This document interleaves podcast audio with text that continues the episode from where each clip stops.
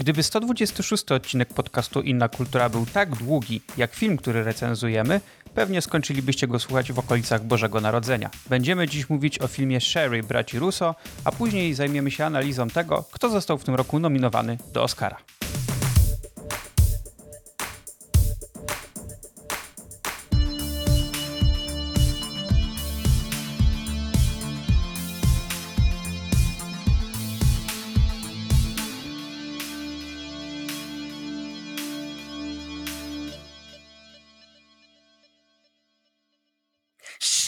Sherry, lady. Woo. Yeah. Dzień dobry, witamy w 126 odcinku podcastu Inna Kultura.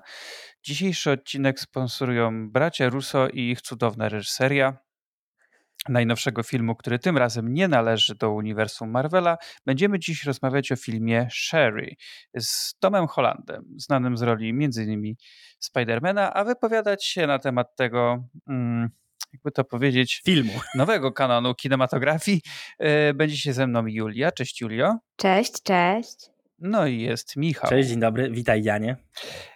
E, jako taki drobny spoiler tego, co będziemy mówić, e, zdradzę, że łącznie seans tego filmu zajął nam jakieś 4 miesiące. E, tak, I, i robiliśmy to jeszcze w przerwach dodatkowo, bo ten film ma wiele swoich podrozdziałów i żeby akurat można było przełączyć i wyjść z domu, zrobić różne rzeczy, bo na jednym posiedzeniu się nie dało tego wytrzymać niestety. Tak. Tak, będziemy mówić właśnie o, fi- będziemy mówić o filmie, który jakiś tydzień temu, w momencie kiedy tego słuchacie, pojawił się na platformie Apple TV+.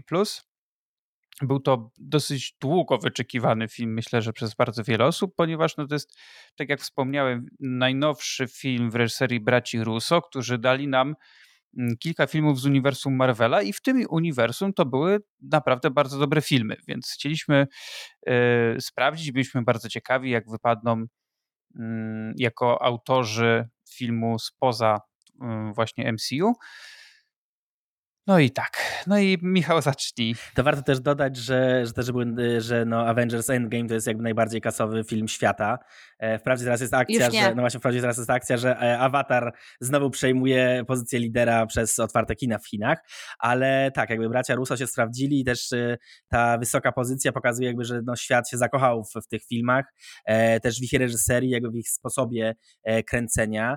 I tak naprawdę właśnie oni też jakąś taką nową jakość wprowadzili do, do filmów MCU, bo, bo właśnie od Zimowego Żołnierza tak naprawdę się zaczęła taka trochę nowa, nowa era, nowe podejście, nowy sposób kręcenia, e, więc, więc tak, więc tym bardziej, tak jak Jan powiedział, e, tym bardziej byliśmy zainteresowani, co to się, co to wyjdzie właśnie z, z filmu Sherry.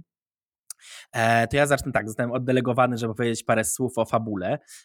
Także zacznę od tego, że to jest adaptacja książki.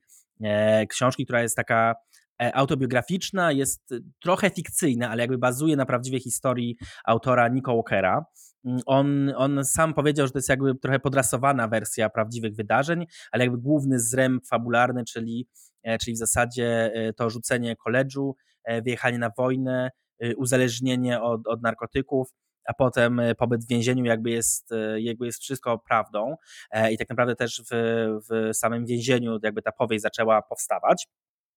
E, no i, i bracia Russo jakby kupili prawa do, e, prawa do tej powieści. Ona była w pewnym, w, pewnych, w pewnym momencie głośna, dużo osób jakby czytało i było zachwyconych jakby stylistyką, w jakiej e, operuje autor mm, tą opowieścią. Ja jeszcze nie czytałem, ale jestem w sumie ciekawy, jak to wyszło, bo jakby jak ta historia może być opowiedziana w dobry sposób, więc, więc być może sobie, sobie zerknę i, i się zaciekawię, jak to na piśmie wygląda.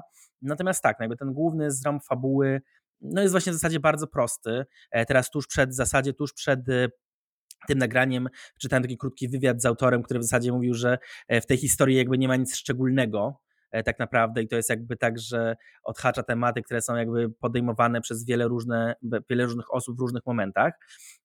No i, tak, jakby tutaj w tym spojrzeniu to, co jest jakby się rzuca w oczy, jest to, że to, ten film próbuje opowiedzieć bardzo wiele różnych elementów e, i jakby tak naprawdę stylistycznie się zmienia w trakcie seansu. E, jakby zaczyna się trochę jak taki film dla nastolatków, takiej młodzieńczej miłości. E, potem przechodzimy w tę taką otoczkę stricte wojenną e, i tego, jak to, jak to strasznie jest na wojnie, jak to wygląda na froncie. No, a potem dostajemy opowieść o tym, jak ta wojna wpływa na, na życie młodych ludzi, jak nie potrafią sobie poradzić z rzeczywistością.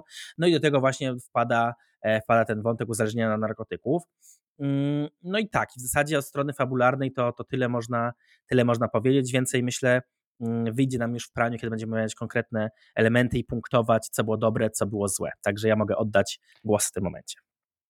Ja tylko dodam od siebie, że ten film został, y, prawa do tego filmu zostały kupione przez Apple TV Plus za 40 milionów dolarów, co było z jedną największych tego typu transakcji w zeszłym roku. Y, no i jakby ja sobie o tym właśnie przypomniałem już po, po seansie tego filmu i stwierdziłem, że to musi być niezwykłe mieć świadomość, że się tak potwornie wyrzuca pieniądze w błoto. Bo o ile do samej platformy Apple TV zdążyłem się przekonać przez ostatni rok, od czasu jej premiery, ponieważ y, seriale robią naprawdę na, na niezłym poziomie. One wszystkie są na tym poziomie dosyć zbliżonym do siebie, ale nadrobiłem ostatnio kilka produkcji albo z, z, kontynuowałem i uważam, że to naprawdę dobrze się ogląda. Jednak mają na koncie parę filmów, które wypuścili jako Apple Original e, i chyba poza Palmerem to mi się absolutnie nic nie podobało. No uważam, że to są filmy no, bardzo nijakie. Podobnie było z tym filmem z Tomem Hanksem Greyhound, który nawet zdobył nominację do Oscara chyba za, za dźwięk, który Apple kupiło za 70 milionów dolarów i również ten film okazał się kapiszonem, więc to jest strasznie, to jest strasznie niezwykłe dla mnie, jak, jak to jest, jak oni te pieniądze wywalają, ale są najbogatszą chyba firmą na świecie w tym momencie, więc mają co, co przepalać. Wracając, sorry, bo to taka dygresja. E, wracając do tego filmu, ja z naszej trójki obejrzałem ten film jako pierwszy i trochę, trochę się kajam, bo mam wrażenie, że moim narzekaniem na ten film trochę Julii i Michałowi y, tak podświadomie ich skierowałem na tory, mm, jak mają o tym filmie myśleć. Chociaż mam wrażenie, chociaż mam nadzieję, że nie. Mam nadzieję, że po, po prostu też uważacie, że ten film jest słaby. Y, I tak jak powiedział Michał, no były nadzieje, bo jest Tom Holland, bracia Russo, Chociaż od razu jak zobaczyłem ten film, e, sprawdziłem sobie na IMDb i zobaczyłem jego metraż, czyli prawie 2,5 godziny, to już się bałem, że, że może być mm, no bardzo długo, w sensie, że będzie się to dłużyć i nie będzie to do końca e, dobrze poprowadzony film. No i takim się okazał. To jest film, który ma bardzo, ale to bardzo powolne tempo. Pierwsza godzina, czyli połowa filmu, to było dla mnie jakbym tydzień już coś próbował oglądać. E, w pierwsza połowa filmu było tak pomieszanie już tych wątków e, i one były ze sobą tak bardzo niespójne, że w ogóle mi się już nie chciało tego oglądać. I faktycznie tylko to, że będziemy omawiać ten film w odcinku, było dla mnie taką motywacją, żeby jednak dalej iść przez tą historię. E, I dodatkowo, jak uwielbiam Toma Hollanda, jak naprawdę moim zdaniem świetnie się w MCU sprawdza, ale nie tylko, oczywiście w innych produkcjach też e, fajnie wypadał. Mm, to tutaj w nawiązaniu do jednego odcinka z zeszłego roku, w którym omawialiśmy ten film Diabeł wcielony. z Diabłem, co był Diabeł wcielony. Diabeł wcielony, no to potwierdza się to, że on jeszcze się nie chcę mówić nie nadaje, ale chyba jeszcze nie dojrzał e, jako aktor do pewnych e, ról dramatycznych. Y, nie wiem, czy się za tą zgadzacie. Tuż przed odcinkiem z Janem rozmawialiśmy o tym, że on po prostu jest jeszcze trochę za młody i trochę jeszcze nie, jakby wygląda zbyt łagodnie na, na rolę, które te, te filmy, czyli Sherry i, i Diabeł Wcielony mu oferowały. On po prostu jest jakby zbyt y, łagodnym chłopcem, żeby grać y, postaci, które w tych obu filmach miał zagrać. Jakby on jest za mało po prostu przetarty przez życie, mam wrażenie. Jakby ja nie wierzę w to, że on jest po prostu taki styrany życiem, jak powinien w zasadzie w obu filmach, filmach być. Mm, I to, jest trochę problem, bo tak naprawdę tam żaden, żaden, żaden make-up, żadne sposoby y, zmiany twarzy nie zmienią. Po prostu jakby, no, mam wrażenie, jakby nie przeżył tego, co powinien, żeby tę rolę jakby uwiarygodnić tak naprawdę. I to jest jednak niestety problem w takim odbiorze tych filmów. Ja się z wami nie zgadzam. Znaczy, nie zgadzam się, że Holland jest tu problemem, e, bo jakby on, on już moim zdaniem jest gotowy, żeby grać rolę poza swoim emploi. Znaczy, Właśnie nie, do końca nie mogę powiedzieć, czy jest gotowy, czy nie jest, bo te filmy, w których go widzieliśmy, e, miały wiele innych problemów już na poziomie scenariusza czy mhm. reżyserii. Mhm. Więc jakim sposobem mam ocenić pracę Toma Hollanda, który jest jeszcze aktorem młodym i nieokrzesanym? E, to nie jest Daniel Day-Lewis, który chociażby wyjdzie, y, chociażby grał byle jakiego reżysera w byle jakim filmie, to i tak wypadnie po prostu jak na Oscara, tylko to jest młody aktor, który jak dotąd grał jedynie e, Spidermana i jakieś pomniejsze rulki w swoim życiu, gdzie głównie grał dziecko, e, a teraz musi wejść na ten kolejny level i na początku jednak e, wiąże to z tym, że musi być przy nim jakiś mhm. reżyser, który będzie go kontrolował i uczył. A tutaj ewidentnie widać, że problemem są, e, przynajmniej moim zdaniem to widać, że problemem są bracia Russo, którzy kompletnie tego filmu nie utrzymują w ryzach, mhm. bo ten film się sypie na praktycznie każdym poziomie, czy na poziomie estetyki, gdzie bracia Russo cały czas chcą e, robić film nie taki wysmakowany w pewien sposób. Rozbuchany w jakiś sposób. E, rozbuchany w niektórych. Właśnie on w każdym rozdziale jest troszeczkę inny, a równocześnie brakuje tutaj wspólnego pierwiastka, który by y, zachowywał, y, pozwalał zachować jakąś spójność mhm. E, i na dodatek jest, każdy z tych wątków jest rozwleczony. E, ten film ma mm, ma parę rozdziałów, które nie są aż tak długie, przechodzą na, na dobrą sprawę. Są takie momenty, gdzie zastanawiasz się, wow, to jesteśmy już na tym etapie?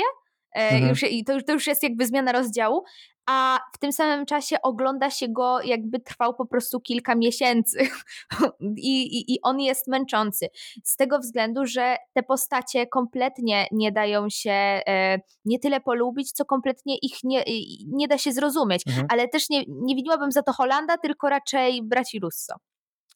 No tak, ja, ja, mi się wydaje, że to jest jakby trochę naczynia powiązane. Znaczy w sensie, gdyby, gdyby rzeczywiście jakby lepsi reżyserzy lepiej to ograli, to to miałoby jakoś w jakiś sposób rzeczywiście ręce i nogi. Natomiast mi się wydaje, że nadal e, nadal jest coś po prostu takim, może nie wiem, takim powierzchownym trochę myśleniu, ale nadal on po prostu jakby jest no, zbyt łagodny na to, żeby uwierzyć jakby w, te, w to, co mu się dzieje. Znaczy, na przykład jest, jest nie wiem, no, na końcu filmu jest w zasadzie no, scena w więzieniu, kiedy on już będzie turbo styrany e, przez życie i taki zmęczony i po prostu no, no, ubabrany tym, co mu się wydarzyło. A ja mam wrażenie, że on jest po prostu y, chłopcem z liceum na wycieczce szkolnej. Jakby ja nie wierzę, znaczy ja nie czuję po prostu tego tego dramatu w jego, w, jego, w jego bohaterze. No ale oczywiście tak, to jest też problem samej struktury tego filmu, ale niestety moim zdaniem jakby on po prostu jeszcze powinien przejść przez inny rodzaj ról, zanim dojdzie do tego, do tego rodzaju dramatyzmu. Znaczy, no nie wiem, znaczy po prostu może rzeczywiście tak jak ty powiedziałeś, może nie trafił na tych reżyserów, reżyserów który, którzy by wyciągnęli z niego to, to, co, to, co najlepsze, ale na razie no, po tych dwóch filmach dramatycznych w ostatnim czasie, tak, czyli i w Diable wcielonym i, i tutaj w Sherry, no ja miałem po prostu problem w uwierzeniem w, to, w tę postać ale też okay. ja mam wrażenie, że, że on powinien że... przestać grać w gównianych filmach. No tak, to, to, to, też jest też, prawda. Ale, ale mi się tu, Michał, tam... nawiązując do tego, co ty mówisz, to wiesz, no to oba te dwa filmy yy, i jego rolę w tych obu filmach, to ostatecznie on grał właśnie takie osoby, które po prostu zostawały od życia w kość. Przecież w Diable Wcielonym to wszystko, no tak. co najgorsze na świecie, to przetrafiało się jemu. Yy, tutaj, no podobnie zresztą. I w obu przypadkach no po prostu nie można było uwierzyć w to, że faktycznie ten człowiek jest tak, jak ty mówisz, styrany życiem. I zgodzę się tu oczywiście też z Julią, że na pewno to jest też kwestia reżysera, w tym przypadku reżyserów, e, ale tak jak mówi Michał, no on powinien doświadczyć trochę, trochę innych rzeczy. Oczywiście to jest, to jest moje zdanie. Ale to jeszcze nie ten etap, żeby właśnie grać takich ludzi, którzy są faktycznie y, doświadczeni życiem. Mm, bo na przykład, tak jak w przypadku tego filmu, gdyby inaczej trochę to pokazać, y, to, to zakończenie, to też inaczej by to zakończenie wybrzmiało, inaczej by, inaczej by się połączyło z tym wszystkim, co widzieliśmy wcześniej. Mhm. No ale do tego tutaj też jest wina przede wszystkim, tak jak mówił Julia, reżyserów, bo no, ten film jest fatalnie poprowadzony. Znaczy no też moim zdaniem to, to co chciałem też powiedzieć wcześniej, że to, tak naprawdę też scenariusz tu leży. Znaczy w sensie na etapie scenariusza i tego jak ten bohater jest, jest budowany, to też jakby oba te filmy tak naprawdę miały ten problem, że no, że one były też takie poszatkowane w jakiś sposób. One nie miały tej spójności takiej narracyjnej, tylko w zasadzie oglądaliśmy jakby takie, takie, takie epizody yy, związane jakby z różnymi momentami tego życia. I nie było to właśnie, jak Julia powiedziała, tego moment, elementu wspólnego, więc tego trochę też tego progresu bohatera nie było aż tak bardzo widać. I przez to trochę też jakby też ta rola trochę leży właśnie na tym, na tym etapie tego po prostu samego, na samej historii, samego scenariusza, więc jakby mam wrażenie, że nawet przy jak najlepszych chęciach on nie miał też za bardzo materiału, na którym mógł bazować tak dobrze, bo głównym problemem tego filmu moim zdaniem jest właśnie i to te, te rozdziały, które są poszatkowane, ale też to, że tak naprawdę tam się dużo rzeczy dzieje poza ekranem, które są po prostu jakby niewyjaśnione do końca. No dla mnie najgorszym momentem tego filmu no to był moment, w którym przechodzimy od historii już tej powojennej do etapu, w którym nagle on i dziewczyna zostają e, narkomanami. Bo to, że on został narkomanem, to jest jakby jasne i jakby wynika z tej historii. Natomiast fakt, że ona nagle y, w takim razie nagle też jest narkomanką, jest tak źle poprowadzony w tym filmie, tak w ogóle jakby no tak z kosmosu po prostu wzięty, tak jakby też przy okazji też źle zagrany. Ja mam wrażenie, że to, mój, to był mój duży problem z tym filmem, y, jeśli chodzi o aktorstwo. E, Kiara Bravo, która gra y, narzeczoną Holanda, czy w zasadzie żonę Holanda, e, no to ona po prostu dla mnie była całkowicie niewiarygodna. Ja całkowicie nie byłem w stanie uwierzyć w jej postać. Jakby dla mnie to było po prostu, y, no, no tak nie powinno się grać tego rodzaju postaci. Znaczy ja totalnie nie wierzyłem w to, że ona jest człowiekiem z krwi i kości. I właśnie jeszcze w tym momencie tej przemiany nagle e, w takim razie, że o, wejdziemy w tą narkomanię. To było tak dziwne, że nie wiem. Jakby... Znaczy mam wrażenie, że jakby jej narkomania, ona jest tutaj uzasadniona i mogłaby się zdarzyć, tylko znów problem leży w tej ich relacji, w tym, co do tej narkomanii prowadzi. W sensie tam powinny się. Y, dziać i jeszcze powinno się zadziać trochę rzeczy, żeby w to, co się między nimi dzieje, można było jakkolwiek uwierzyć. Tak. A ja w ogóle uważam, że to jest totalny miskat w sensie, yy, a, a ja jeśli tak chodzi o, o Kierę Brawo, ponieważ oni nie mają kompletnie chemii. I gdyby mieli choć gram chemii, to nawet przy tym słabym scenariuszu udałoby się im coś na tym poziomie z tego wyciągnąć. Ale problem jest taki, że no nie, no tutaj nic nie iskrzy. Yy, I, i kiedy już dochodzimy do tego momentu, yy, że, że ona jest na, na tym etapie, że się decyduje również, e, również zażywać, to, to, to, to, się zastanawiamy, ej, ale dlaczego? Ja nawet jak na ciebie patrzę, to nie wierzę, że czujesz do niego coś więcej niż odrazę i rozpacz po mhm. prostu.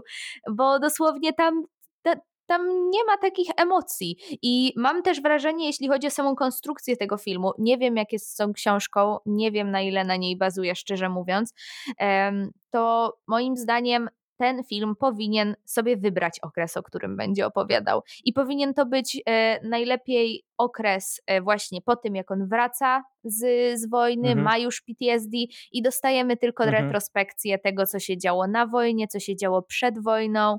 I mogłaby to być taka mhm. historia na takich dwóch poziomach. Teraz ten film jest po prostu oglądalny e, i jest to zasługa wszystkich elementów składowych, mam wrażenie że tak naprawdę trudno znaleźć a powód, nawet, to jest najgorzej. A nawet jeśli, jeśli miałby przedstawiać tą historię, która wydarzyła się przed jego pójściem na wojnę, to kurczę, no nie musiało to trwać prawie godzinę, bo to chyba z godzinę no, no, trwało, no. zanim tak. on na tą wojnę w ogóle dotarł. Para... Potem ta wojna poleciała takie raz, dwa, trzy. Paradoksalnie powiem wam, że wam się wydaje, że to trwało godzinę. Tak naprawdę moment, w którym oni biorą ślub jest w 30 minucie tego filmu mniej więcej. Minucie, tak, tak, tak. tak. E, on jest, i, on jest, tak, on jest dość tak. szybko, tylko tak naprawdę te pierwsze 20 minut jest tak rozwleczone, że to właśnie te w tych 20 minutach czujesz jakby już minęło nie wiadomo ile. Bo w ogóle I też tam ta... jeszcze jest ta jego narracja. Ta, w ogóle ta stylistyka jest czas. strasznie drażniąca bo ta stylistyka tego początku jest z takiego teenage movie trochę, które tutaj do tej historii potem nie pasuje za bardzo. E, I jeszcze druga rzecz właśnie w tej strukturze, to co Julia powiedziała, że powinien wybrać sobie okres, to ten film się kurczę, ostatnia sekwencja, epilog, to jest kurde nagle 13 lat życia bohatera. Jakby takie what the fuck. I jeszcze najśmieszniejsze w tym wszystkim jest to, że w tym czasie się e, bohater w ogóle nie zmienia. Znaczy w sensie my oglądamy te sceny, po czym Tom Holland wygląda dokładnie tak samo, jak wyglądał wcześniej. I tylko tak, ma wąsy. Tylko ma wąsy. I w ogóle Ale natomiast ja dam jeszcze jedną rzecz, jeśli chodzi o Tom Poland. Tak, to widziałem, te memy są bardzo, bardzo piękne, to jest piękne odniesienie, dokładnie. Ale to ja dodam jedną rzecz, jeśli w tej strukturze, jeśli i o tych elementach i o tym, kiedy się ten film powinien zacząć, to dla mnie akurat na przykład sekwencje na wojnie były najciekawsze i najlepiej zrobione i z jakimś takim największym rozmachem, jakoś tak najbardziej, nie wiem, dramatyczne, najbardziej mogłem się wczuć w te sekwencje. Być może tak. Na pewno dodam jedną rzecz, jeśli chodzi o stronę realizacyjną, no w trakcie oglądania tego filmu miałem takie, widać, znaczy miałem takie poczucie, no tak, widać jakby, że nagrywali to na planie, widać jakby to po prostu, e, jakby to po prostu było jakby ustawione, że to nie jest realne, że po prostu tam zagrożenia nie ma. Miałem takie poczucie, to Jan pewnie zaraz odda, ja miałem takie poczucie, jakbym oglądał, kurczę, Transformers w ogóle w tym momencie. W sensie naprawdę te sceny na no tak, pustyni tak, przypominały ten, po prostu taki styl film, kręcenia.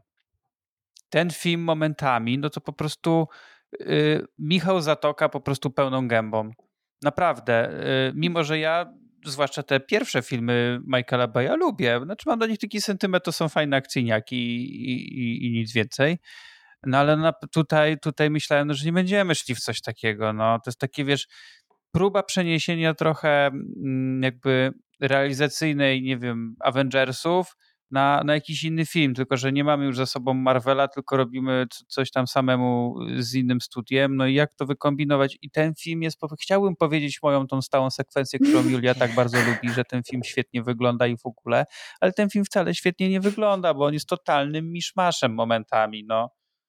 Tak. I tu jeszcze jakiś, no, no ja nie wiem, no po prostu mnie oczy bolały, jak oglądałem ten film momentami. I jeszcze tak naprawdę mam wrażenie, że to jakby, jakby do niczego nie prowadzi. Znaczy w sensie te zabawy stylistyczne, one są takim trochę jakby poza tą historią, jakby one nie są uzasadnione w samym, w samym tym filmie. No może jedynie te momenty, kiedy pokazujemy rzeczywiście jakby świat oczami bohatera e, i tym, jak rzeczywiście jest po narkotykach. To jedynie to jakoś, jako tako może się broni, ale cała reszta tych zabaw, e, które są formalnych, jakby one w zasadzie są po prostu no, dla dla samej zabawy formalnej, której nie ma żadnego odniesienia do tej historii jako takiej.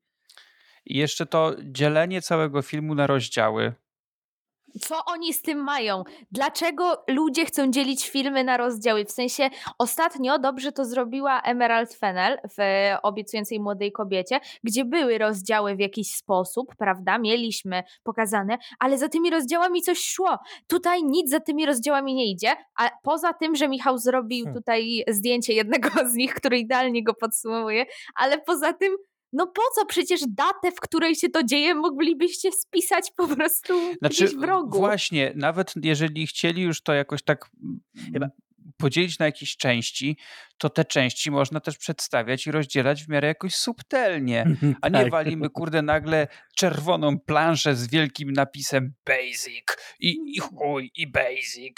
Jedziemy. No i, to, i właśnie to jest no to, co idealnie podsumowuje ten film po prostu. No jakby oni sami się zaorali tak naprawdę tym pomysłem właśnie w taki sposób to pokazując. I, i, Wiecie, i to, w ogóle, i to w ogóle nie pasuje jak pięść do nosa tak. do reszty tego znaczy, filmu. Znaczy, ja się zastanawiam, czy może to też poniekąd jest podyktowane tym, że to jest właśnie na Apple TV, ten film jest długi i żeby niby tak oglądaj sobie jak niby serial trochę. Tylko te, to strukturalnie nadal się nie trzyma, bo te, te sekwencje, one nie mają początku, rozwinięcia i końca, tylko tak naprawdę to jest ciągłość tej historii, więc no i zwłaszcza też naprawdę też właśnie nadal jest ten problem, który już wspominaliśmy, czyli tak naprawdę gdyby jeszcze to były jakieś przeskoki czasowe, ale to jest wszystko płynnie się dzieje, no po czym ten ostatni y, rozdział i w zasadzie epilog i nagle 13 lat na, naraz, tak?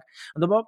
Nie no, ale jakby... to nie ma znaczenia, że to jest, że to jest na Apple TV. Chcieliby zrobić serial, to by im dali hajs na, na serial, zresztą jak wiemy, to Apple TV kupiło to dopiero chyba do dystrybucji. Mhm. Tak. No. no więc jakby to, to nie ma za bardzo znaczenia. Poza tym za tydzień będziemy omawiać kolejny film, który również jest podzielony na rozdziały, ale mam wrażenie, że tam wypadnie to lepiej.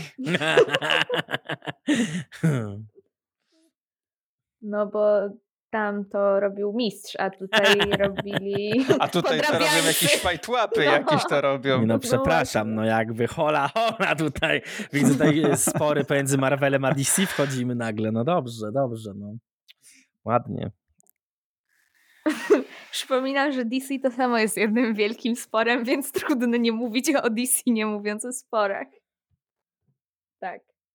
No, więc ogólnie to chyba nie polecamy tego filmu, prawda? Ja, ja jeszcze, ja jeszcze A, powiem okay. jedną rzecz, że mnie ten film się oglądało jeszcze źle z jeszcze z jednego powodu, ponieważ oni tam sobie walą w żyłę, a ja nienawidzę tego oglądać na ekranie. Ja po prostu zamykam oczy i robię tylko taką szparkę między palcami, żebym widział, czy kadr się zmienił. No to akurat to jest, to jest mój problem, tak? To mhm. nie jest problem filmu, tylko mój, ale po prostu to mi jeszcze bardziej źle wpływało na odbiór. Ale to ja się odniosę do tego pod tym względem, że dla mnie w ogóle to przejście od tego, że oni są uzależnieni od tych opioidów, do tego, że sobie walą w żyłę jest tak jakby zaskakujące i jakby tak, tak nagłe, że to jest jakby niewyjaśnione nijak. Ale właśnie, tam jest akurat, jeśli chodzi o ten wątek, tam jest jedna fajna rzecz, która gdyby była prowadzona dobrze, to byłaby fajnym komentarzem takim społecznym, trochę systemowym, e, czyli kwestia tego, no. Że Holland idzie, znaczy bohater Hollanda świeży, czyli ten Sherry, idzie, e, idzie do lekarza, bo, bo ma problem i właśnie ma problem, że jest uzależniony od, od opioidów. I e, co mu przepisuje lekarz? A, to może więcej opioidów, okay. słuchaj sobie weź. E, I to jest właśnie ten moment, w którym, mm. w którym, w którym ta bohaterka Kiary Brawo mówi, że no skoro jakby już masz przy, przy, jakby przyzwolenie w sumie z góry, no to ja też chcę zacznę brać te dragi. E, no i tylko właśnie od tego, i potem następuje właśnie to cięcie, w którym jakby nagle oni z tego takiego swojskiego przybrania sobie tych drobnych narkotyków, to nagle oni, a walimy w żyłę, bo jolo. E, no i to jest strasznie dziwne. Znaczy w sensie to jest, ja, ja wiem, że ja mówię o tym w taki sposób trochę y, prześmiewczy i to są trudne tematy, no ale, ale, nie da się ten, o tym. Ten film po prostu trywializuje te sprawy, tak straszliwie trywializuje, że to jest aż zaskakujące w sensie, że jak można podejmować tak dużo tak ważkich tematów i tak bardzo je spłaszczać, tak jakby je pokazać taki, no taki po prostu sposób, który aż, aż odpycha do ekranu. Ja jeszcze ostatnią rzecz chciałem powiedzieć, yy, która mi się skojarzyła w trakcie oglądania. E, ta, te sekwencje, które się dzieją e, przy napadach na bank, e, i te sekwencje, w których e, bohater przykłada, e, przykłada banknot z napisem y, mam broń, więc oddaj mi wszystkie swoje pieniądze. To ja za, za którąś tą z tych sekwencji e, bardzo mi się skojarzyło z, z filmem Gentleman z rewolwerem e, z Robertem Redfordem, to chyba jest jego ostatnia rola filmowa. E, no i tam to było pokazane w zupełnie innym kontekście, w zupełnie inny sposób, ale ten jakby samo ten element po prostu y, takiego eleganckiego w cudzysłowie napadu na bank, jakby skojarzył mi się po prostu tutaj jakby jakby w sposobie kręcenia, w sposobie pokazania. Dlatego tamten film jest jakby dużo ciekawszy, dużo lepiej zrobiony, też, e, też te napady są jakby mm, elementem do innej nieco historii, ale po prostu chodzi mi o taką formalne, formalne podobieństwo i że można w takim razie opowiadając o, o słabym filmie, który odradzamy, po prostu polecić coś, co, co warto lepiej zobaczyć po prostu w tym czasie. E, ja powiem tylko jednej rzeczy, która mi się akurat w tym filmie podobała. Taka, taki drobny szczegół, że te wszystkie banki, na które on napadał, albo do których się tam mm, udawał wcześniej, miały takie nazwy, mhm. Mm, które oddawały charakter instytucji, nie? czyli tam amerykańskie banki walą cię w tyłek, nie? Mhm. Tego, tego typu rzeczy. To był też taki fajny odnośnie tego komentarza, tak jak wcześniej mówiłeś o tych, e, o tych lekach. To taki właśnie komentarz społeczny i to podejście mm, wielkich korporacji też do takich szarych obywateli, no ale to wszystko to są takie bardzo niewykorzystane szansę tego filmu, bo uważam, że on się źle skupił na, na złych rzeczach mhm. i, i, wyszło tak, jak wyszło. No. A ja żałuję, bo generalnie pamiętam, że jak usłyszałem o tym filmie, że on, że on wyjdzie, to, to czułem tu jakiś potencjał, tak? Tak jak już mówiliśmy, reżyserzy, którzy w poprzednich swoich filmach się tam jakoś sprawdzili. Aktor, którego lubimy i wiemy, że, że potrafi, no tylko że jeszcze, jeszcze chyba do końca nie wie jak. No i co? No i wyszło co wyszło. No. Wyszła czerwona kupa. E, notabene, boha notabene, notabene bohater tam też e, mówi, że on ma problem, bo on po prostu jak robi kupę, to leci krew. I to też jest, to powinno być turbo dramatyczne, ale w sposobie, w którym to jest pokazane, jakby zupełnie dramatyczne nie jest. To jest po prostu takie no takie y, szokowanie dla szokowania, tylko tak naprawdę już jesteśmy totalnie jakby uodpornieni na tego typu zabiegi e, i to nam nie robi. Właśnie, to jeszcze jedną rzecz a propos szokowania dla szokowania, to mnie mocno zaskoczyło i trochę mnie ubawiło w trakcie oglądania. E, jest w tym, sceny, jest w tym filmie taka scena, w której e, bohaterka wymiotuje do, do zlewu, przychodzi do, przychodzi do domu główny bohater, który przy okazji w ogóle pali papierosa i przychodzi i ona jakby przestaje wymiotować, całuje się z nim, po czym wymiotuje dalej. I on w ogóle jakby bez problemu, w sensie on jakby nawet nie zauważa, że ona wymiotowała, że jest źle, w ogóle spoko, jakby to jest normalka i to w ogóle nie ma żadnego jakby bez, problemu, więc no to jest trochę takie, no można by pomyśleć, że jednak no, to powinien być problem, jakby tutaj powinien być jakiś wątek z tym związany, powinien być jakaś okazana troska, ale nie, to jest po prostu tak pokazane, że to jest normalne, jakby spoko i, i nic się nie dzieje i, i, I, trochę mam wrażenie, że ten film tak skacze po tych, po tych problemach. Mi się wydaje, tak jak Julia powiedziała, że gdyby on się skupił na jednym z tych problemów i dobrze go rozwinął, to to byłoby coś ciekawego. A tak to po prostu, no, no, bardzo powierzchownie zahacza o bardzo wiele różnych tematów. Tak naprawdę no, momentami aż przechodząc jakąś taką parodię tego, co, co, chciał, co chciał opowiedzieć. Okej. Okay. Dobrze, to już sobie poużywaliśmy. Dziękujemy, odradzamy. Szkoda dwóch i pół godzin czasu. To, tak, teraz czas porozmawiać o najważniejszym wydarzeniu tego tygodnia, bo zaczyna nam się, znaczy zaczął już nam się pełną parą, ale jako, że mm, dopiero takim momentem sezonu, na który większość ludzi zwraca uwagę, są Oscary, to myślę, że możemy e, powiedzieć, że wczoraj się tak zaczęła ta walka już ostatecznie. Otóż wczoraj, wczoraj, tak, wczoraj, wczoraj ogłoszono nominację do Oscarów. E, ogłosiło je małżeństwo Nick Jonas i Priyanka Chopra. Ja w ogóle, wiecie, tak? ja, ja nie znałem tego faktu, ja nie wiedziałem, że oni są małżeństwem. Ja się dopiero, jak wiedziałem, że oni będą prezentować nominacje, to się o tym dowiedziałem. No, nie oglądałeś Jonas Brothers na Disney Channel, ty nie czekałeś na to, aż wszyscy nie, nie oglądałem. No właśnie. Nie. Ale Jak zmienią te, te pierścienie cnoty na prawdziwe pierścionki zaręczynowe. No co się śmiesz, no tak było, no. Halo? A w ogóle mam, zanim do tego przejdziemy, mam dla was ciekawostkę, bo e, u, u, mnie, u mnie na, na podwórku stoi gruzbag z gruzem. I tak się nazywa Tom e, Bo ktoś sobie... Tak, i to się nazywa Tom tak, Gruz. cudne to jest. W ogóle no. też nie znałem tej firmy, a to jest tak cudowne. Jeszcze ma fajne logo. Też mogę umieścić w naszych social mediach a propos tego Basic. Mogę umieścić Tom Cruise i to będzie idealne podsumowanie tego filmu. Tom Cruise. Wywóz gruzu i odpadów poremontowych. Dokładnie Warszawa. tak. Mhm. Exactement. Warszawiacy jacyś. Mamy polot. Także e, chyba omówimy te najważniejsze kategorie tak e, powiemy o zaskoczeniach jakichś, e, a później ja mam jedno zaskoczenie w kategoriach mniejszych tylko, i więc może jeśli któryś z Was też ma, to, to, to dam Wam dojść do głosu. Dziękujemy. Dzięki. Ten, ten Julia One Woman Show będzie jednak e, otwarty na innych. Woo! No, no, myślę, że tutaj w każdej kategorii mamy jakieś zaskoczenia, przyznam szczerze. E, zaczniemy chyba od Best Picture, bo to jest ta kategoria, która najbardziej wszystkich obchodzi. E, tutaj mamy nominowany film Ojciec, Judas and the Black Messiah, Mank. Mank. To jest moje osobiste zaskoczenie tej kategorii. Że tyle, kurde, tyle nagród, tyle nominacji w ogóle. Można się po tego niby spodziewać, ale i tak człowiek jest zaskoczony. No, masakra. I, I, niestety negatywnie. Tak. E, Minari, Nomadland, e, Obiecująca młoda kobieta, Sound of Metal i Proces siódemki z Chicago. E, na największych takich pominiętych, mm, o, o, największych to tutaj się mówi o Marajni i Matce Bluesa, mm, jako o filmie pominiętym na pewno. Większości filmów tak naprawdę nie widzieliśmy, ponieważ Nomadland dopiero wchodzi w ten weekend do kina przedpremierowo. Minari Judas również. and the Black Messiah. Minari również, tak. Judas and the Black Messiah to chyba nie wiadomo, co się z nim dzieje, czy już jest premiera.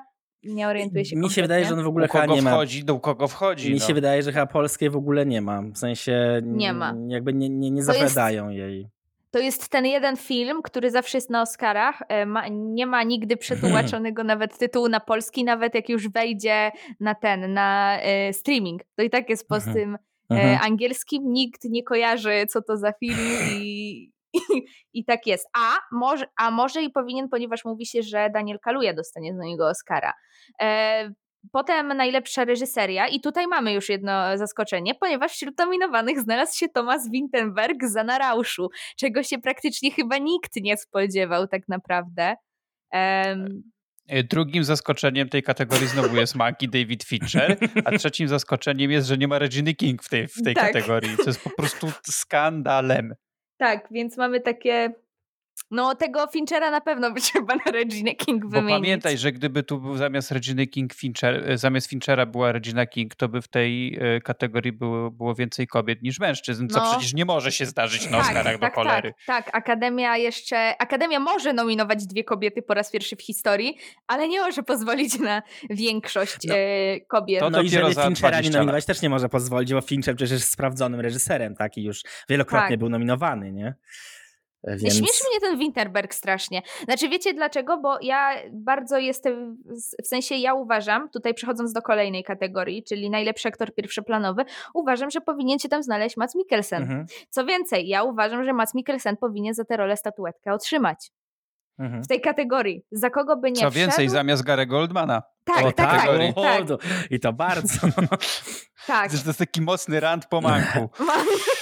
Ale weź przecież ty tak, my tak czekaliśmy, Jan tutaj wielki Fincherofil, a tutaj się nagle, kurde, pojazd po no manku. Bo, no bo jak ten film ale jest się zrobiony, no, no masakracja, no jakby... No, ale w tej kategorii bardzo mnie cieszy Riz Ahmed za Sound of Metal, tak, bo, tak. bo, bardzo często go pomijali, a to jest rola tak. e, gigant. Zresztą w tym momencie to jest chyba mój nawet faworyt. E, najlepsza aktorka pierwszoplanowa, a, bo w ogóle nie przeczytałam, kto z tej kategorii aktor. Jest Riz Ahmed za Sound of Metal, Chadwick Boseman za Maraini Matka Blues, Antony Hopkins za Ojca, Gerald Van Zamanka i Steven Yeun za Minari, który został pierwszym e, aktorem amerykańskim azjatyckiego pochodzenia, który został nominowany za rolę pierwszej, e, pierwszoplanową warte odnotowania. E, najlepsza aktorka pierwszoplanowa. Tutaj obyło się praktycznie bez większych zaskoczeń. Mamy Viola Davis za Maraini, Andra Day za United States vs. Billie Holiday, e, Vanessa Kirby za Cząstki Kobiety, Frances McDormand za Nomadland i Carrie Mulligan za Obiecującą Młodą Kobietę. Co jest w ogóle zachwycające, to jest pierwsza chyba rola Vanessy Kirby pierwszoplanowa, e, mhm. taka gdzie ona jest w centrum i już dostała nominację do Oscara. Zresztą Ale możemy też, możemy też chyba śmiało powiedzieć, że to jest taka najmocniejsza kategoria ze wszystkich. Mhm. Mm. Kolej, kolejny rok już, bo mam wrażenie, że w ostatnich latach w ogóle te kategorie e, aktorek są bardzo, bardzo mocne. Tak, tak, tak. I y, one są bardzo ciekawe też, e, te, te role. Tak. Mamy w tej jednej kategorii aktorskiej mamy dwie y, aktorki, które grają e, biseksualne wokalistki. To jest taka genialna ciekawostka ponieważ zarówno Maraini, jak i Billie Holiday były biseksualne. E, najlepszy aktor w roli drugoplanowej, Sasha Baron Cohen za I to jest, i to jest takie, tak, to jest to, co miało być. Tak miało być, ja chciałem tego od początku, więc tak. E, Daniel Kaluuya za Judas and the Black Messiah, e, Leslie Odom Jr. za One Night in Miami, który moim zdaniem powinien zostać zamieniony z innym aktorem z tego filmu, ale to tam mniejsze z tym. A z jakim to odsyłamy do naszego odcinka? Tak. Paul, Paul raczej za Sound of Metal i tutaj się tak, mega cieszymy. Tutaj jest tak. po szał, ciał i odsyłamy do poprzedniego odcinka z filmami petardami, także Paul Droga tak. Akademia, tak. czy możesz dać w tej kategorii dwie nagrody? Tak. tak, oczywiście.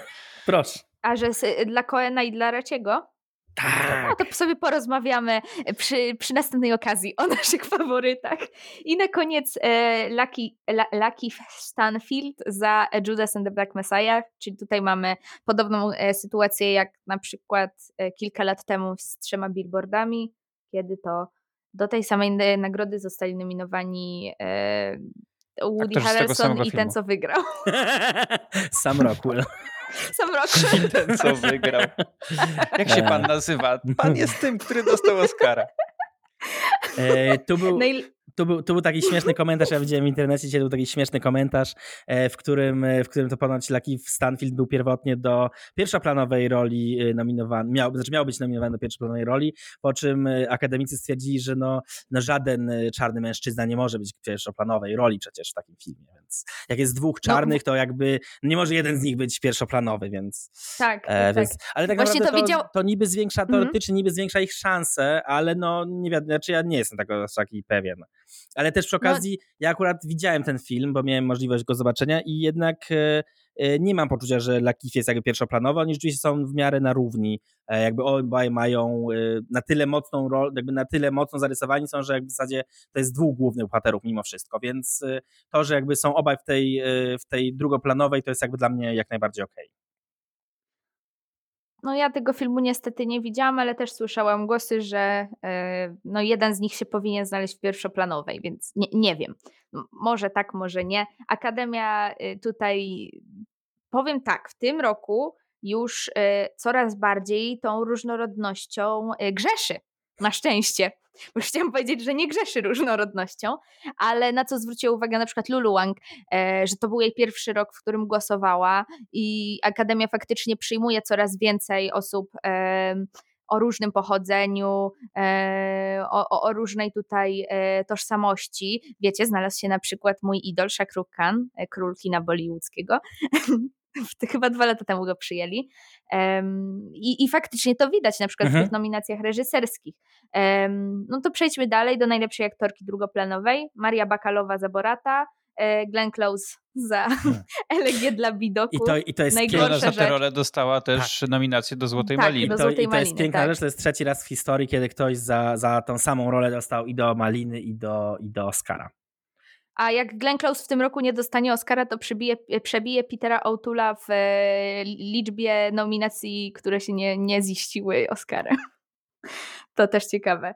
Olivia Colman za Ojca, Amanda Seyfried za Manka i Yoon Jung Yoon za Minari. Tak. To zaskoczeniem dla niektórych jest Yoon, znaczy dla mnie i była i nie, bo ja głównie przez ostatnie tygodnie słuchałam kłótni o to, czy, czy babcia z Minari zostanie nominowana do Oscara. I, I, powiem tak, obie grupy słysza, krzyczały głośno. Maria Bakalowa jest i mnie to bardzo cieszy. Powiem szczerze, jej obecność. Glenn Close bym na pewno na kogoś zamieniła, nie wiem na kogo, ale tak, żeby jej tu nie było po prostu. E, najlepsza animacja. To, to, to, ja tylko dodam, no. bo ja jak pamiętamy z tego odcinka, o którym omawiamy, o ty omawiałeś ten film, ja go cały czas nie widziałem, ale właśnie przez to, że ona ma tę nominację do obu tych nagród, to jestem jednak zaintrygowany. W sensie tak czuję, że może jednak to spróbować i, i samemu ocenić. Jakby to mnie zaintrygowało, że to jest na tyle, e, jakby na tyle taka rola, że, że budzi tak różne e, emocje, że, że aż jestem ciekawy wręcz, wręcz jak to rzeczywiście, rzeczywiście wyszło. Nie polecam, ale no. Ale. Może warto. Tak. E, najlepsza animacja e, Naprzód, Over the Moon, e, Baranek Sean Farmageddon. Co w duszy gra? No, tak sobie Wolf Walkers. No ale jak ja słyszę tytuł Baranek Sean, to mi gra w głowie tylko melodyjka. Baranek Sean, Baranek Sean. Więc przepraszam. No i prawidłowo, no jakby tak powinno być, nie? W ogóle w tej kategorii panuje różnorodność, bo mamy dwa Pixary i dwa Netflixy. I Apple TV. I Apple TV. Tak. Więc super I to jest w ogóle, chciałbym tylko zwrócić uwagę, że to jest, y, no jakby nie patrzeć, to jest całkiem spory sukces, że rok po wystartowaniu usługi, no rok z kawałkiem, Apple TV ma już dwie produkcje, które są nominowane do Oscara. No, prawda. Mhm. Tak. Więc to, to, to całkiem, całkiem nieźle. Mam nadzieję, że z czasem będzie takich produkcji więcej i będą no, lepsze niż te, przynajmniej niż, lepsze niż jedna z tych, które są nominowane, bo Wolf Walkers jeszcze nie widziałem, ale jak już sobie uzgodniliśmy, to chyba sobie nadrobimy do któregoś odcinka. Tak. E, myślę, że z tego, co, co, co widziałem, bo widziałem właściwie dwa filmy z tej kategorii, ale no ja zawsze będę kibicować Pixarowi, Mm, w tym przypadku bardziej oczywiście co w duszy gra niż naprzód, bo naprzód nie jest dobrym filmem moim zdaniem. E, ale też z drugiej strony kibicuję zawsze temu, żeby ten monopol oscarowy Pixara został, był przełamywany. No ja zawsze kibicuję przeciw Pixarowi bo to jest, Bo mimo tego, że uwielbiam te filmy Pixara, to jest to trochę już męczące, że zawsze jak Pixar jest nominowany, to niemal zawsze tą nagrodę zgarnia. No, no bo Pixar. To, jest to przede wszystkim, e, no, no to grozi, e, grozi tym mniejszym studiom, albo nawet nie tyle grozi, co nie pozwala się tak wybić trochę. No co jest smutne, jakby Pixara i tak ludzie obejrzą, a Oscary jakby, umówmy się, ta nagroda ma głównie wartość e, promocyjną, mhm. marketingo, marketingową i fajnie by było jakby wreszcie E, ktoś tutaj to, to, to docenił. Scenariusz adaptowany Borat, Ojciec, Nomadland, pewnego razu w Miami, The White Tiger. Chyba ten White Tiger jest tutaj zaskoczeniem, mhm. bo tak wreszcie to, to nie wiem. No dla, mnie, dla mnie akurat Borat no. jest zaskoczeniem, bo ja Borata 2 po prostu mi się bardzo nie podobał ten film i, i uważam, że jakby no, nominowanie go w ogóle do jakichkolwiek nagród tak wysokiej rangi jest dla mnie zaskoczeniem dużym. E, ja wiem, że jedynka też była nominowana, ale akurat ten scenariusz jakoś no, no nie, jakby dla mnie to, to jest trochę e, za przeproszeniem, ale jest czym do ludzi w jakiś sposób. I też jeszcze jest ja fajne, takiego... jeszcze, jest, no. jeszcze jest fajne, że jak właśnie jak, jak były nominacje, to też e, Borat drugi ma tylu, tylu scenarzystów, że po prostu e, słuchanie tych nazwisk wymienianych na ekranie, to też była jakby też taka trochę droga przez mękę sama w sobie, mam wrażenie. Ja widziałem takiego tweeta chyba wczoraj, że ojciec chrzestny to był pierwszy film w historii, że pierwsza część i druga dostały nominację do Oscara za scenariusz adaptowany. Drugim takim filmem jest Borat. No właśnie to ja. Znaczy ja nie, ja nie bardzo rozumiem, czy ja naprawdę nie bardzo rozumiem. E, to ja, nie, nie, nie. Co się tam dzieje. Chodzi o. Chyba, jeśli chodzi o to, to chyba Kasia e, Czajka-Kominiarczuk to gdzieś tłumaczyła na Twitterze, że Borat jako postać jest w ogóle był, że pierwsza część jakby też się kwalifikowała jako scenariusz adaptowany i ta druga część też się kwalifikuje w związku z tym, że ta postać wcześniej już istnieje, a według zasad oscarowych, jeśli postać w ogóle wcześniej istniała, to już jest adaptowany. Znaczy tak, tak, ja nie, mam, ja nie mam problemu z tym, że on jest doadaptowany, ja mam problem, że on w ogóle jest Aha. nominowany jako taki. Aha, bo ja zrozumiałam, Nie, nie, nie, jakby że... ja dla mnie jest po prostu w Borat nie powinien dostać jakiejkolwiek okay. nominacji do czegokolwiek. Jakby bardziej w tą stronę, jakby ja nie mam problemu z tym, że, do, że akurat za scenariusz adaptowany. Jakby spoko, okay. ja po prostu tam tak, że no uważam, że to nie jest dobry film i, i jakby sądzę, że no nie powinien dostać nominacji do Oscara. Musimy porozmawiać o tym Boracie. Musimy porozmawiać czy my rozmawialiśmy o Boracie przecież? O dwójce nie. Nie, nie rozmawialiśmy. Nie rozmawialiśmy nie, o dwójce. O dwójce nie rozmawialiśmy. Musimy porozmawiać o Boracie, bo widzę, że się bardzo tutaj nie To jest zgadzamy. taki no, nowy film. Musimy porozmawiać o Boracie. I na pewno będzie nominowany za scenariusz adaptowany w przyszłym roku. Na pewno, bo przecież Borat już był. No właśnie. E, dobra, to porozmawiamy na pewno, bo ja na przykład ten film lubię, więc będzie ciekawe. Ja go jeszcze nie widziałem, ale mam go na liście, więc jak to zrobię, to możemy śmiało sobie o nim porozmawiać. Ale, ale pamiętaj, że. A nie, nie powiesz, kurde, przecież tu nie będzie technicznie. To nie jest ładny film. Technicznie. technicznie nie jest ładny sceniczny, y, scenariusz oryginalny. Czekaj, może doko- oryginalny. Y, dokończę tak. ten adaptowany, bo ja ci przerwałem w pierwszej kategorii, więc jeszcze jest y, Ojciec, Nomadland, One Night in Miami i White Tiger. A nie, to było, sorry. ja to tak, ja to przeczytałam. Scenariusz oryginalny. Scenariusz oryginalny. Judas and the Black Messiah, Minari, Obiecująca młoda kobieta, Sound of Metal, Proces siódemki z Chicago. No i tu akurat jest bardzo mocna kategoria moim zdaniem. Tu są rzeczywiście fajne scenariusze. Tak, tak ja, ja jestem... widziałam tylko Obiecującą młodą kobietę, Sound of Metal i Proces siódemki. I Proces siódemki... W sensie uważam, że poza Obiecującą młodą kobietą to są, bar... to są bardzo dobre scenariusze, ale to nie jest ta moc, którą mają standardowo scenariusze w e, kategorii oryginalnej. W sensie no, były mocniejsze lata, zdecydowanie. Powiem szczerze, że to jest y, jeden ze słabszych, mm, moim zdaniem, roków. Okej. Okay. No i y, ja akurat dla mnie jest to w te, ja nie widziałem tylko z tej, z tej piątki, tylko Minari, ale jakby dla mnie to są, wszystkie są jakby na tyle mocne, że potem te filmy rzeczywiście mocno oddziaływały. Przynajmniej ja tak, e, dla mnie jest tak najbardziej okej. Okay. W sensie ta mi się jak najbardziej podoba. Dobra, tutaj myślę, że możemy ominąć kilka kategorii, bo ja tu idę listą e, z Variety. E, najlepsze zdjęcia to trzeba wspomnieć z jednego powodu, bo jest tam Dariusz Wolski. Za sukces polskiej kinematografii. tak, dokładnie. Wyróżnienie dla polskiej kinematografii, olbrzymie. Ja się bardzo cieszę. W końcu Polska jest, jest znowu będzie doceniona na Oscarach. No. Ten, tylko... ten gif z Pudzianowskim, Polskę górą. Znaczy tylko dla mnie, ja mam tylko taki smutek trochę, że ten film jest kurde piekielnie nudny i ten wcale też nie jest jakoś taki turbo ładny, szczerze mówiąc. nie, no... no... ładny jest. To jest nagroda za zdjęcia. To tu się nie zgadzam. To jest ładny film. To jest ładnie film nagrany. No dobra, no to i... ja na moim przyspieszeniu no... tak tego nie zwróciłem uwagi na to aż. Mank jest beznadziejny beznadziejnym filmem, a też ładnie wygląda. Więc, kurczę, e, no ale jest tak, Judas and the Black Messiah, Mank, News of the World, Nomadland i Proces Siódemki z Chicago.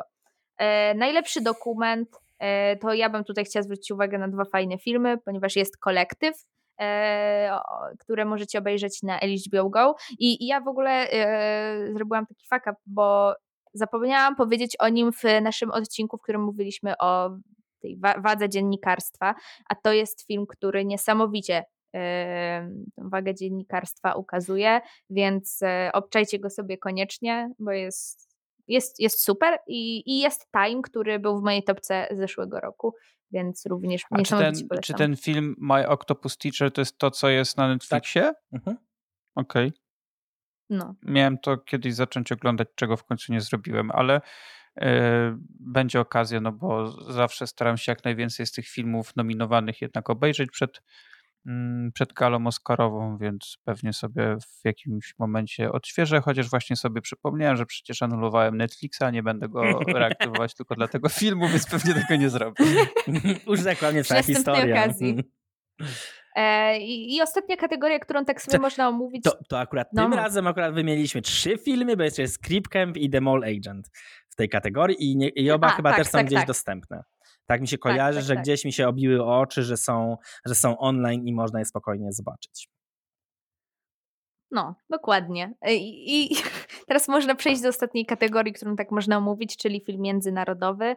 E, tutaj mamy Na Rauszu, Dania, mm, Better Days, Hong Kong, e, Kolektyw, Rumunia, The Man Who Sold His Skin, Tunezja i Aida, czy Quo Vadis Aida w oryginale, Bośnia i Hercegowina. No ja trzy z tych filmów widziałam. E, jestem z nich wszystkich największą fanką akurat Aidy. E, I, temu filmowi będę kibicować.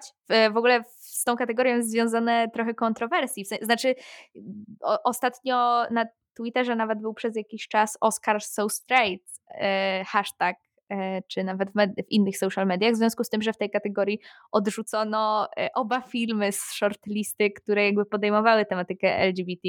E, z tym, że ja oba te filmy widziałam i uważam, że oba w tej filmy się raczej nie powinny w tej kategorii znaleźć, więc e, no nie, to, to, to, to, to, nie, to, to nie jest temat do, do, do, do, do kłótni. Znaczy, nie wydaje mi się. E, a, a które no filmy jest... przypomnisz? Bo ja nie, nie pamiętam. E, Szarlatan i my dwie. A, okej. Okay. Agnieszki Holland. No tak, ale e, znaczy szarlatan przecież nie był film. na shortliście. A, był, rzeczywiście, przepraszam. Był, był, szarlatan no, był niestety. Był, był, był. niestety był. My dwie akurat są bardzo dobrym filmem, więc ja tak ostatecznie jeszcze się wstrzymam od tutaj e, wyroków, bo nie widziałam tego filmu ho, ho, ho, z Hongkongu i z Tunezji, e, ale reszta uważam, że zasłużyła na te swoje nagrody na, na te swoje nominacje, może jeszcze nie nagrody. E, I przy okazji tego, jak nominowali Aidę, to ja bym, ja żałuję, że nie pamiętam, jak ta aktorka w głównej roli się nazywała, że ona nie, że ona nie dostała nominacji za tę rolę, bo to jest, to jest w ogóle genia, Jasna Duricic się nazywa. E, I nie wiem, dlaczego on nie dostał. Tak samo jak nie rozumiem, czemu Mikkelsen nie dostał nominacji, bo moim zdaniem to obie są role praktycznie no, idealne pod, pod, pod, coś takiego, ale no Winterberg jeszcze, mimo iż jest no, twórcą, no, no jednak od dogmy te 20 lat ponad minęło i Winterberga już trochę znają e, na świecie, ale no, no to nie jest nazwisko wypromowane e, w kinie mainstreamowym, które jednak Oscary najbardziej mi e, tutaj obejmują. Mi najbardziej szkoda zupełnego pominięcia Witamy w Czeczeni, ze względu na przykład jeśli chodzi o kategorię efektów mhm. specjalnych, ponieważ no jest to film mm, podchodzący rewolucyjnie do tego e, i tu uważam, że no, przestrzelili zupełnie. I jeśli chodzi o akcję całą Oscar So Straight, to uważam, że Witamy w Czeczeniu jest, tego, jest największą ofiarą w ogóle. Jakby mamy film, e, który podejmuje temat przemo przemocy władzy wobec e, osób nieheteronormatywnych w Czeczeni za pomocą rewolucyjnej technologii nakładania twarzy, dzięki której te osoby mogą się bezpośrednio wypowiedzieć. I fakt, że ten film jest nominowany za, za jakby taki wkład i, i, w samą, nie wiem, tak, tak symbolicznie, chociaż jest to wykonane też no, na tyle, na ile technologia pozwalała świetnie.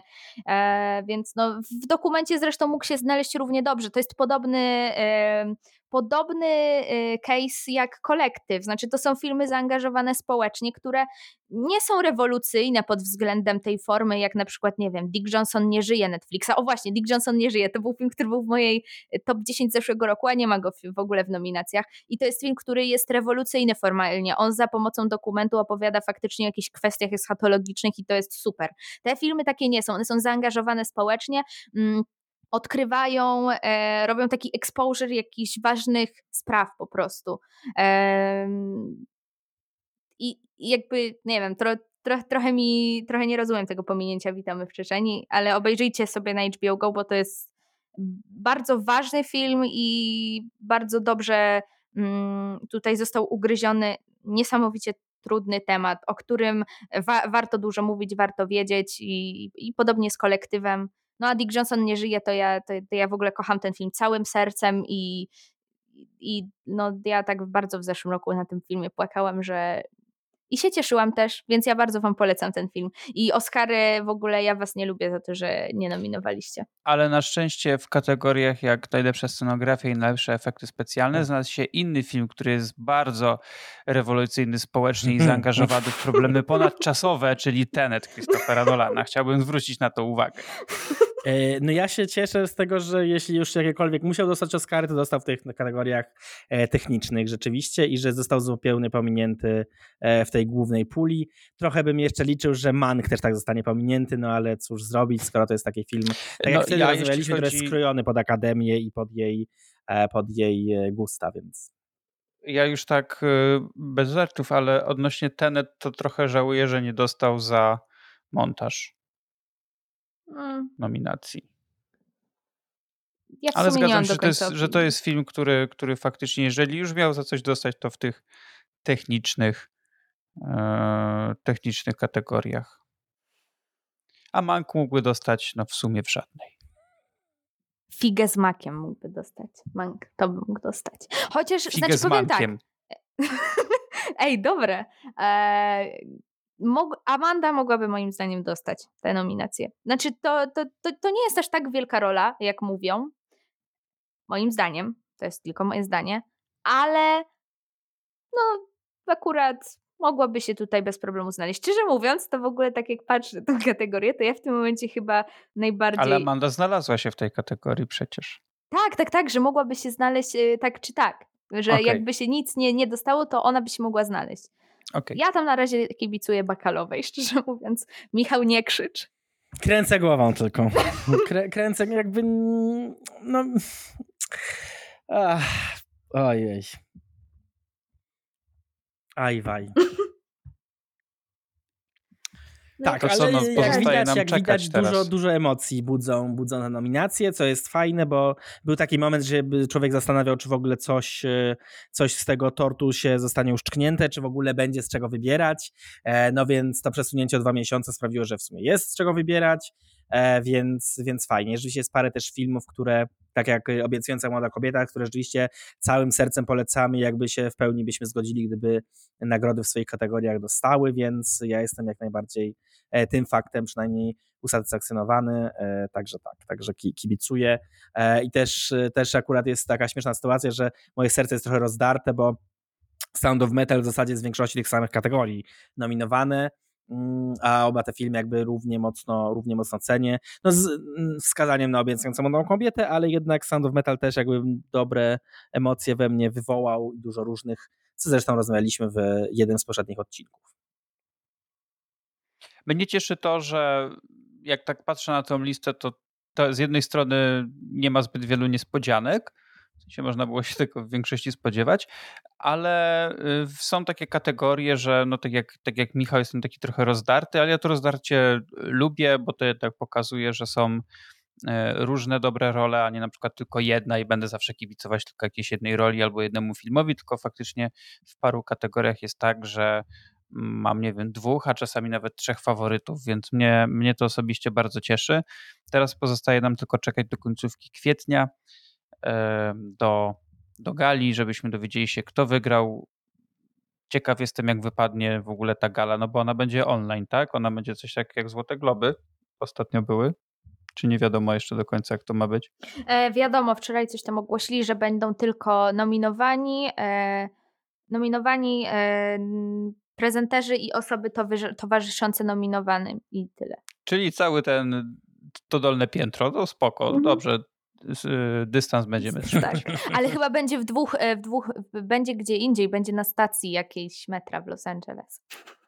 Na coś stacji takiego. metra? Tak, coś chyba, takiego. Zaraz nie Michał wiem, met, nie wiem, czy metra, czy takiej kolei jakiejś chyba. No, znaczy coś mi się tylko obiło coś o uszy, no. że to jest jakaś, jakaś historyczna mi stacja też. kolejowa chyba. Nie, bo metra to byłoby tak trochę e. dziwnie w sumie, mam wrażenie. Może Zdarza, historyczna że... stacja metra. No pamiętam. może, może, ale no metro akurat w Los Angeles jest takie dość e, ubogie, bym powiedział, ale może, może. Mi się wydaje, że to jednak chodzi o coś związanego raczej z, z, z no, można się słowić, e, z pociągami, ale, ale kto wie. Mogliby też, wiecie, mogliby też historycznie na przykład na, na, na Santa Monica Pier na końcu trasy 66 na przykład zrobić, tak? I, i mamy Los mhm. Angeles i Chicago i, i pomiędzy na trasie 66 stoją kolejni Union Station. W Union a w tle, Station. A w tle koronawirus. To wszystko będzie w Union Station. I tak. Tak, więc to jakby y, dworzec. O, historycznie dworzec, to jest to słowo, no to, słowo, to słowo, które miałam na myśli. Dworzec, nie stacja metra. Tak, no, no jakby to mam... jak to się nazywa. Jakby to większa renoma wtedy chyba, nie? Na stacji tak, metra tak. Służew ale nie wiem w jaki sposób to będzie rozwiązane. Nie, co mnie tak bawi.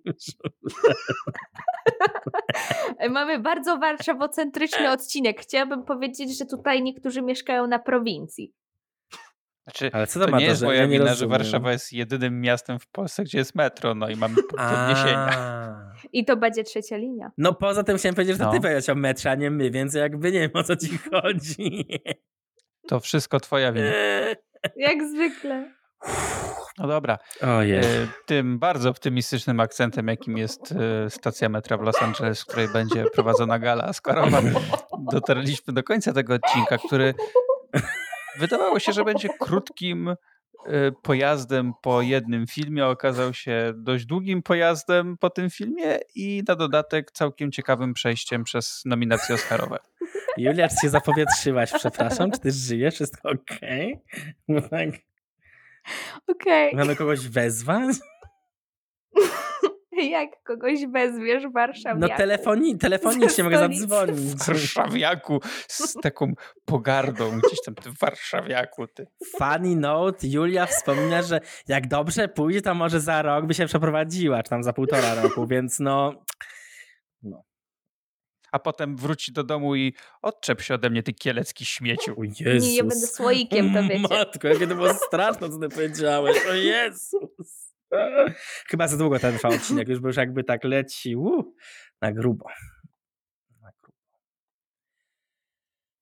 Więc to jest ten moment, żeby go zakończyć. Tak. Dziękujemy bardzo za słuchanie. W następnym odcinku będziemy rozmawiać o kolejnym, jak nam się przynajmniej wydaje, mm, wiekopomnym cudzie dziele. kinematografii, wielkopom, wielkopomnym dziele, czyli Lidze Sprawiedliwości Zaka Snydera, e, który trwa 4 godziny. Tak. Jesteśmy na to gotowi. Czyli można ten film podsumować, nawet jeszcze go nie oglądając, że to będzie prawdziwy powrót króla. Tak. Badumc. Nieźle. Jezusa. Dwóch. Tak. Którzy, e, Jezus, który miał matkę o imieniu Marta. Tak. Dobra, robią się zbyt hermetyczne te żarty. E, dziękujemy za słuchanie. To był odcinek numer 126 podcastu Inna Kultura. Słyszymy się za tydzień, a może nawet trochę wcześniej. Zobaczymy. Do usłyszenia. Do usłyszenia. Cześć!